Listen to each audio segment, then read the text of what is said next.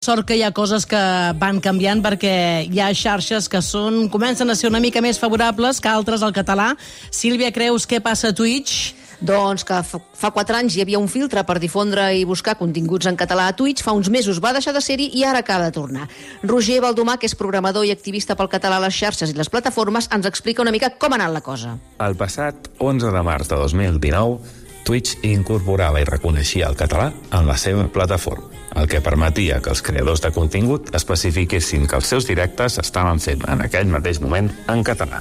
I, a més a més, permetia, a través d'un filtre, cercar uh, per idioma. Per tant, localitzar aquells directes que s'estaven fent exclusivament en català. Però no sabem per què, a l'agost de 2022, decidia treure aquell filtre tot i que nosaltres podíem continuar especificant que el contingut el fèiem en català, es feia molt més difícil que els usuaris el trobessin, ja que incorporava un nou sistema d'atacs que eh, no permetia un filtratge correcte.